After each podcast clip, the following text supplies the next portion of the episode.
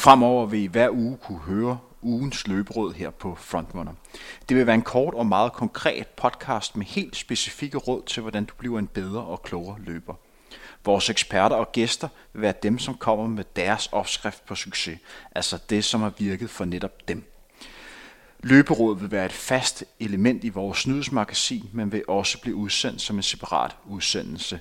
I denne introduktion kan du høre løbeekspert David Møller og eliteløber Fie Sønderbys bedste løberåd.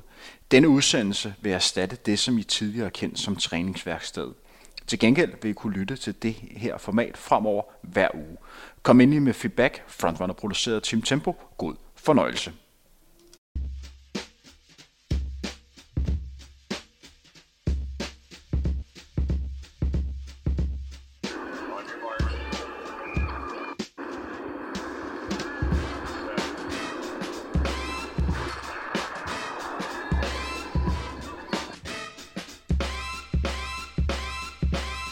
Vi er nået til vores sidste segment i dag, hvor vi skal have fat i øh, det er et nyt indslag, vi laver her på vores news show med løberåd.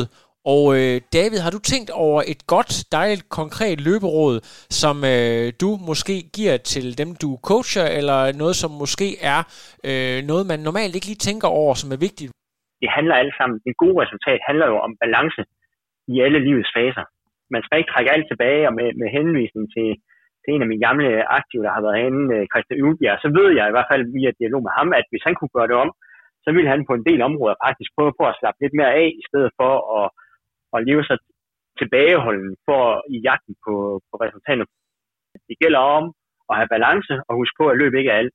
Det der med, at man ikke skal være ked af at, at tage en øl med vennerne i øh, ny og næ, og, øh, og også huske at, ja, solen står også op i morgen, hvis man lige misser træningspas og så videre. Lige præcis. Altså, det, det, det, det må jeg synes, at det, øh, det er det vigtigste, i hvert fald for elite, subelite, at man, man husker, at løb ikke er alt, og ja, særlig ungdom faktisk.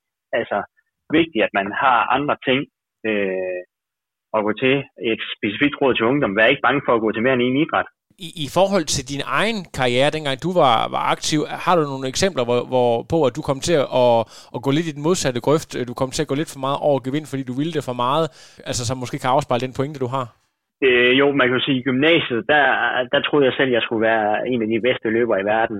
Og det gjorde, jeg holdt mig meget tilbage, og hvis jeg kunne gøre det om, så tror jeg nok, at jeg havde været lidt mere afslappet i gymnasiet, end, end at være så fokuseret på at få løbetræner. Ja. Øh, det, det kunne have givet lidt mere afslappet ungdomsliv. Men øh, så tog jeg lidt hævn, da jeg var i AGF. Ja.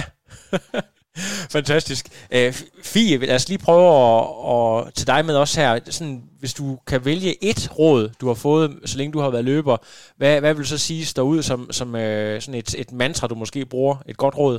Jamen, altså først og fremmest, så vil jeg bare lige, altså hvis det sådan skulle være bedst, så er det lidt kedeligt at sige det samme som David, men, men det er jo det der med balance, altså der skal være plads til andre ting. Det har det i hvert fald været for mig, at det er det, jeg har gået ind til det med, og det har bare fungeret rigtig godt. Men hvis det sådan skal være lidt mere øh, sådan helt løberelateret, så tror jeg egentlig, at øh, det bedste råd, jeg har fået, det er, at man skal lade være med at øge intensiteten og mængde på samme tid. Det ender altid med skader. Ja, 200 km, og så med, med average på 330. Det skal ja, man holde sig fra. Ja, ja. Men altså, da man startede med at løbe, så tænkte man, det kan man godt, og det ender bare galt hver gang.